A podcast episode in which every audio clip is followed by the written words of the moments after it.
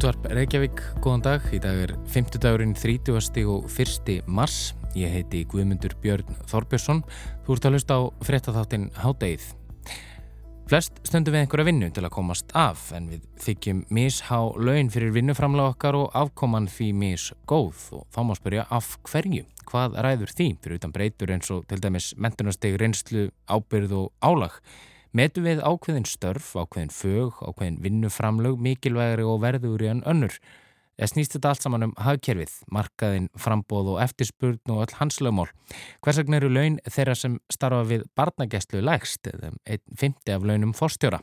Katrín Ásmundsdóttir ber laun og launa ákvarðanir undir Þórólf Mattíasson, professor í Hagfræði við Háskóla Íslands í síðara hluta þáttarins.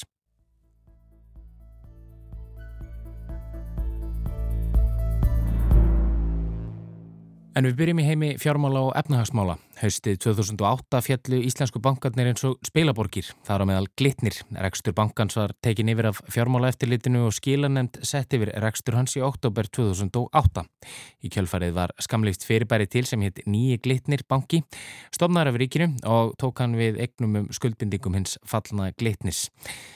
Sem sagt, bankin var komin í eigu ríkisins og þann 20. februar 2009 var nafni bankans breytt í Íslandsbanka en það hétt bankin áður eða frá því að Einarbankin, Alþjóðbankin, Vestunarbankin og Útöksbankin saminuðist árið 1990 og fram til ásins 2006.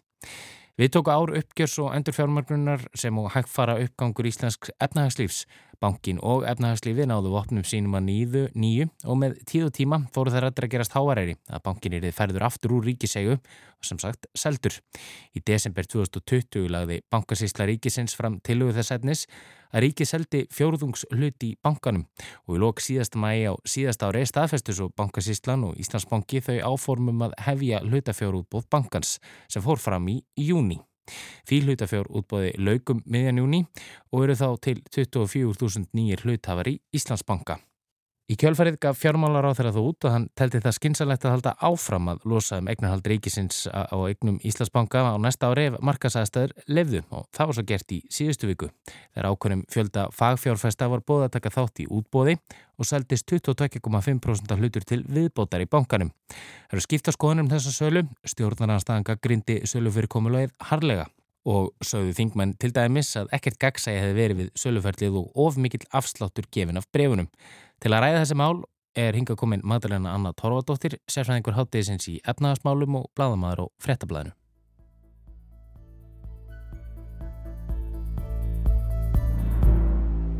Velkomin Madalena. Takk fyrir. Segð mér eins frá þessu útbæði. Já, ríki seldi 22,5% hluti Íslandsbanka á 52,7 miljardar. Uh, ég held að sé ótt að segja að þetta útbór hafi verið velhæfnað.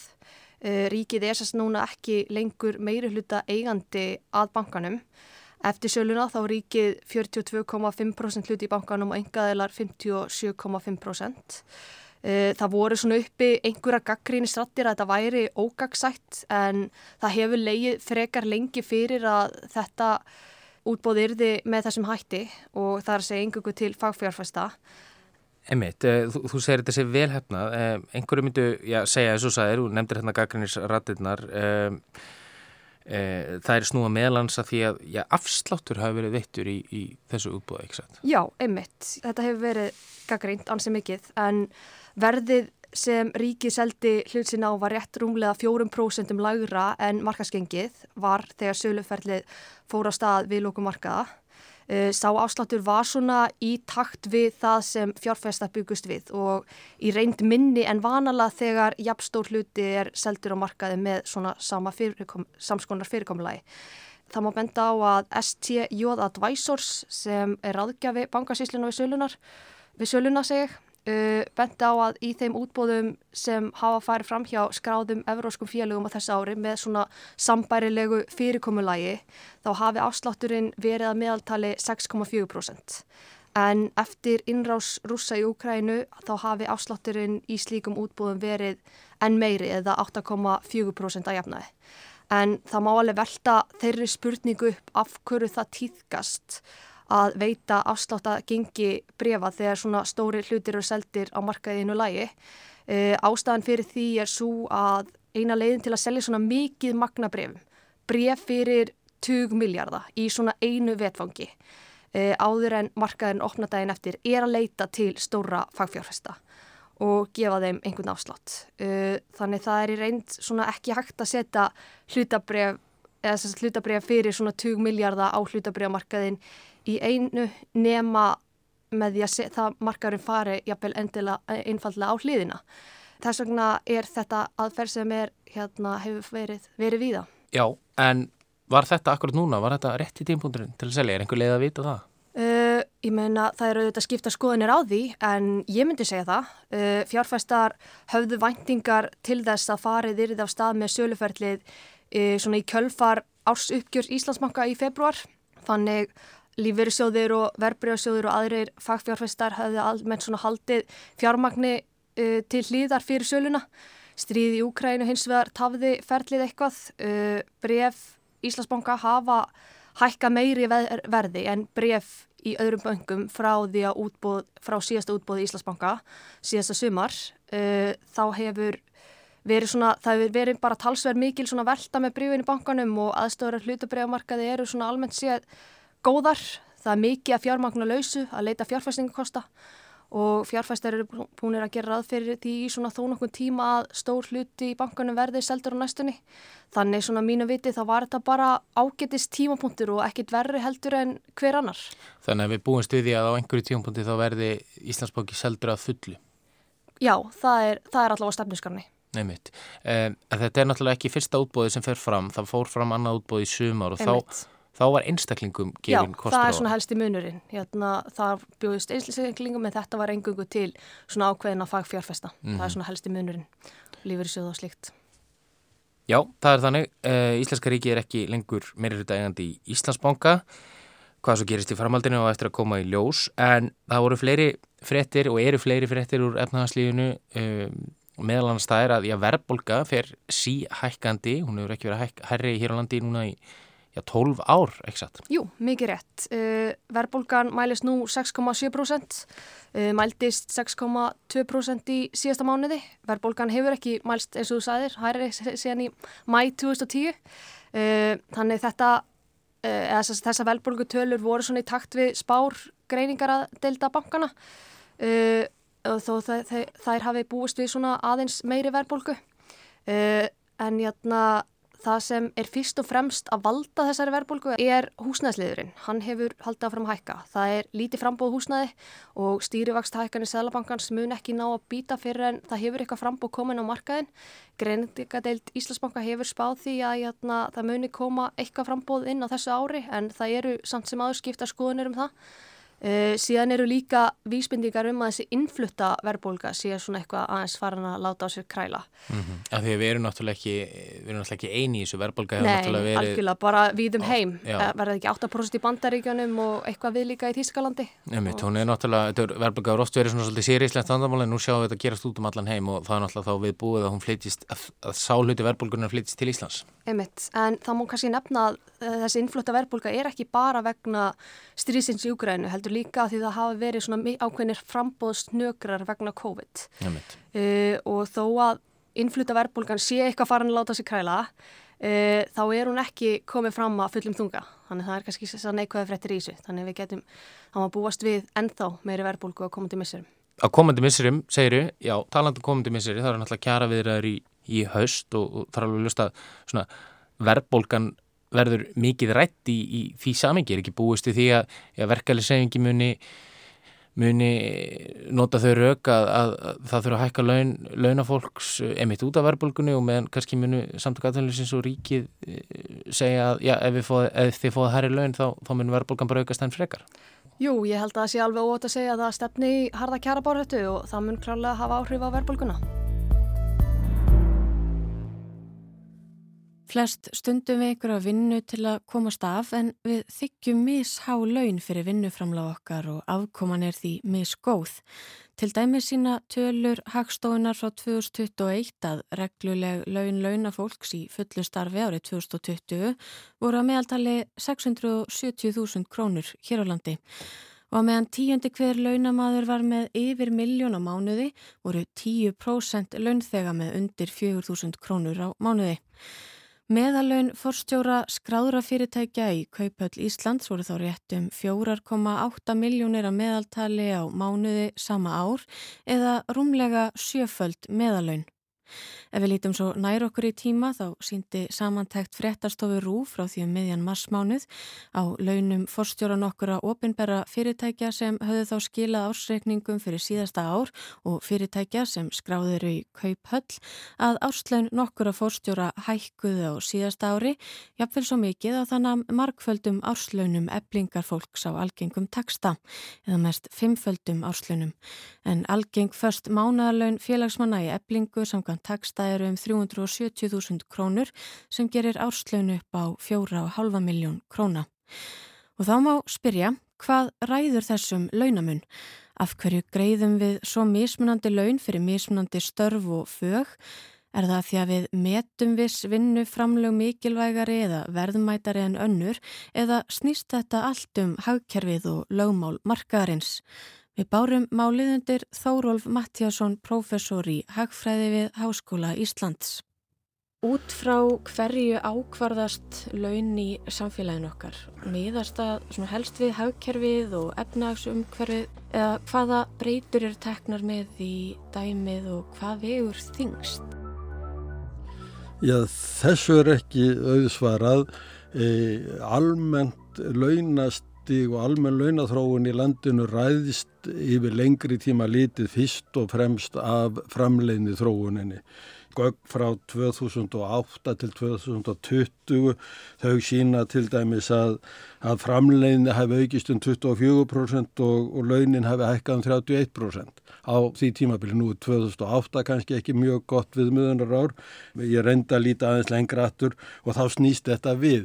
Þannig að ef maður lítur á, á ferla framlinni þróunar og raunlauna að þá er þetta svona eins og slöngur sem að snúast svolítið saman en í grófundráttum að þá er framleinnið aukningin að skila sér í launonum svona þegar við lítum yfir lengri tíma.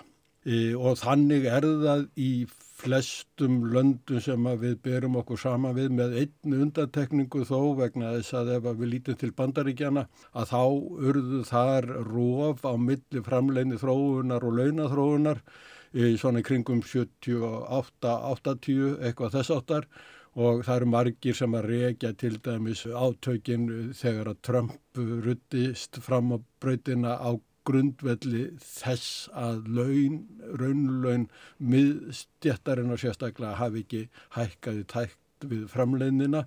Þannig að, að þar með sjáum við hvers konar þjóðfélagsöfl það eru sem að knýja þessa þróun að framleiðnin fylgir í, að launathróunin segja, fylgir í grófum dráttum framleiðni þróuninni af hverju helst þetta tvent í hendur og ég er kannski ekki síður að spyrja út í það sko hvað er framleiðni? Já, framleiðni er bara hérna hversu mikil virðisaukin er á hverja vinnustund í hagkerfinu og framleiðnin eikst vegna þess að fólk býr til meira á stittri tíma og nýtir framleyslu þætti betur. Ástæðan fyrir því getur verið bætt skipulag, bættar samgöngur og ímjöldslegt þess átt að sama ítur undir að framleginin í samfélaginu í heild er að aukast og ef að sem sagt skiptingin á meðlum vinnuaps og fjármaks er, er svona nokkur neginn föst eins og hún er í flestum samfélagum eða, eða hreyfist hægt getur við sagt þá fylgjast sem sagt laun og, og framleginni að. Þannig að ef, að ef að fólk er að búa til meira í, á, á hverja klukkustund að þá skilar það sér í því að launin hækka. Skilar það sér þá líka jáfnvel í eh, stöður að hafkerfi, stöður í verðbólgu og kaupmætti helst þetta allt saman í hendur marga breytur sem að koma þarna inn í alls konar áföll sem að þjóðfélagi verður fyrir. Við erum í litlu myndkerfi með minnstu sjálfstæðu mynd, má segja, í heiminum og launakjörin, raunlaunin eru býstna háð þróun gjaldmiðilsins þannig að, að það eru alltaf að koma einhver svona högg utan í frá sem hafa áhrif á það. Nú síðan er það líka þannig að almennt launastíg er ákveðið í kjærasamningum og þar gerist þetta nú með hoppum uh, daldið að það er aukið við og, og svo framvegis það sem að kemur síðan aftan að fólki í sambandi við þá hluti er verðbólgan. Ef almennt launastig í landinu, nafnlaunastig eins og við hægfræðingarnir kvöldum það, er að hækka hraðar heldur en eh, innistæðar fyrir eins og við stundum segjum að þá endar það í verðbólgu þannig að, að þetta eru svona þessi öll sem að er ekki hægt að semja sig framhjá mm -hmm. sem að verða til þess að það sé hægt að, að deila út einhverjum gæðum að þá þarf að framleiða þau. Það er svo einfalt. Það er hægt að auka framleiðsluna til dæmis með með betri eh, skipulagi, með bættir og ofenbæri þjónust og svo framins. Mm -hmm. En það þarf að líka fyrir að eh, samfélagi heilsinni þarf að vera framleiða þessi gæði sem við erum að skipta á millokkar.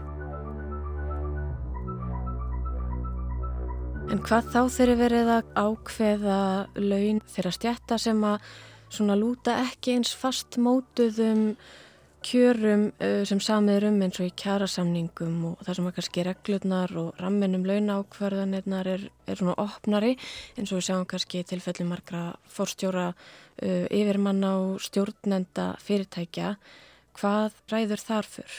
Já, það er kannski best að taka svolítið einfalt dæmi sem að mörgir Íslandika þekkja til. Á fiskiskipum þar týðkast hlutaskiptakerfi og þar eru launabilin mjög föst á milli fólks.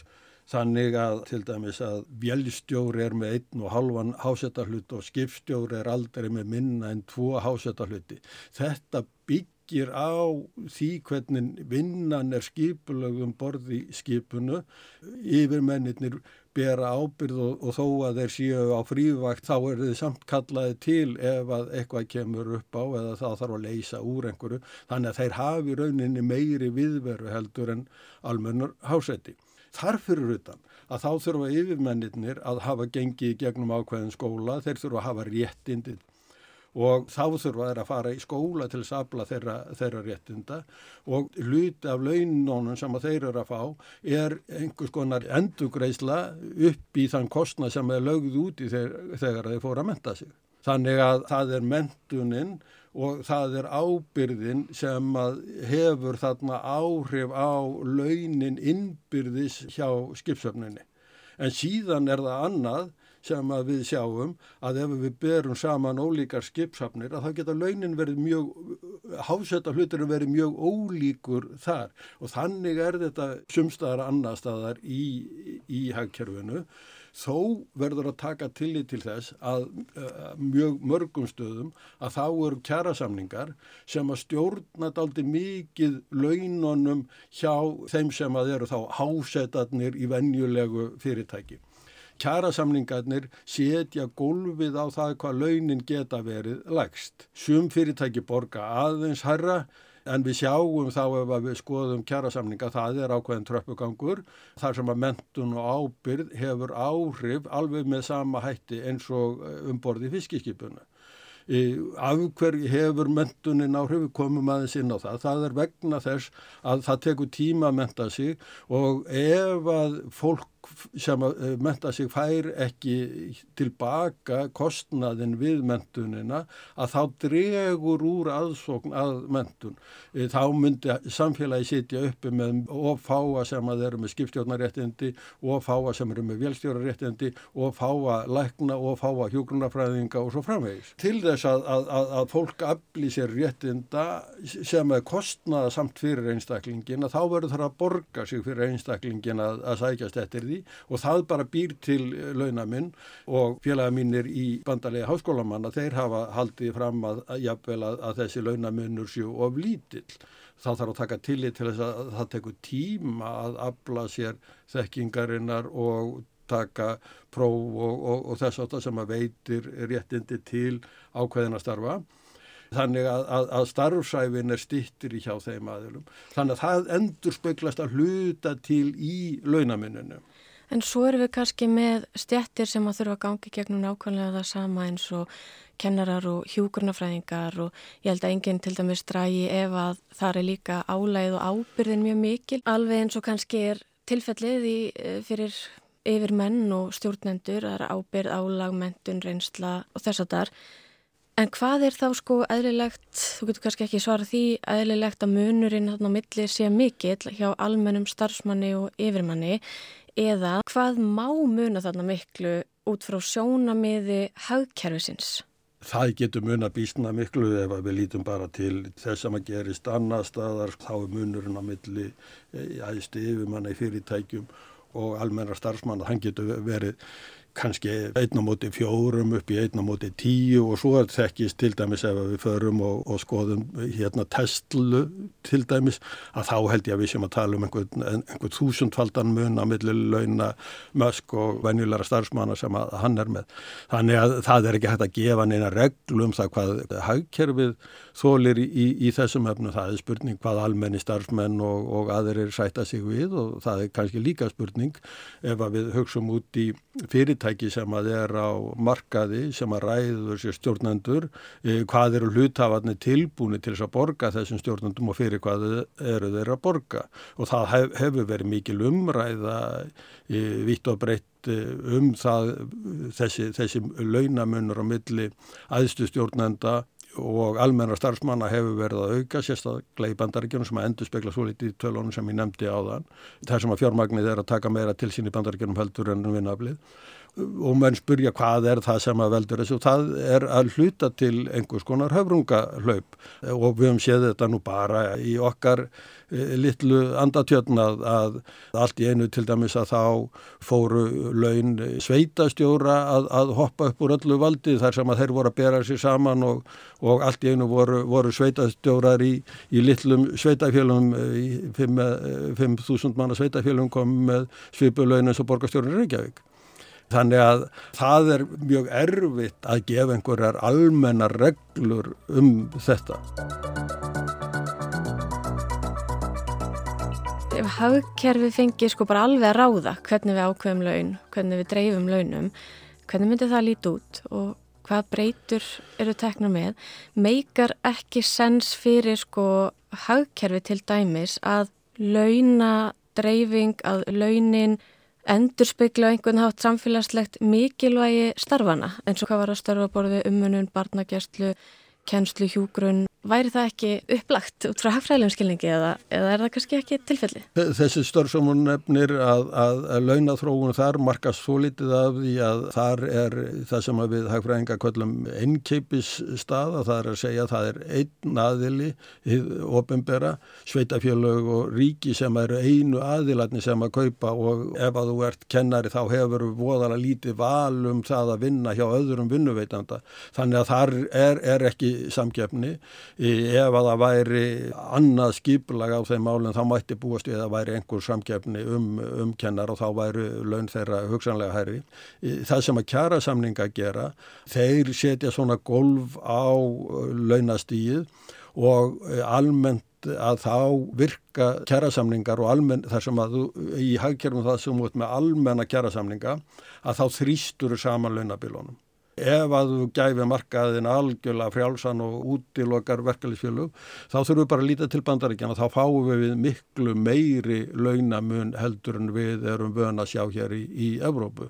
Ég ætla ekki að segja hvað er gott og hvað er ekki gott í þeim öfnum en e, það myndi allavega að koma þannig út að fátækt yrði erfiðara vandamál við að eiga og þá er spurning hvort að menn eru tilbúin til að nota þá skatt á tilfæslukerfi hins og ofinbæra til þess að leiðrætta þann mun eða hvort að menn vilja heldur svona taka þetta út og, og svona jafna svona kjörin aðeins í sjálfu launasetningarferlinu. Þannig að það er ekki þetta að svara því með já eða neyju hvar aðferðin er, er betri en það sem við höfum komið okkur upp sérstaklega á Norðurlöndunum hefur sínt sig að vera mjög skilvirt, skilar góðum samfélögum þar sem að fólki líður upp til hópa vel og, og skila jafnframt afburða góðum niðurstöðum jafnæslegu tilliti.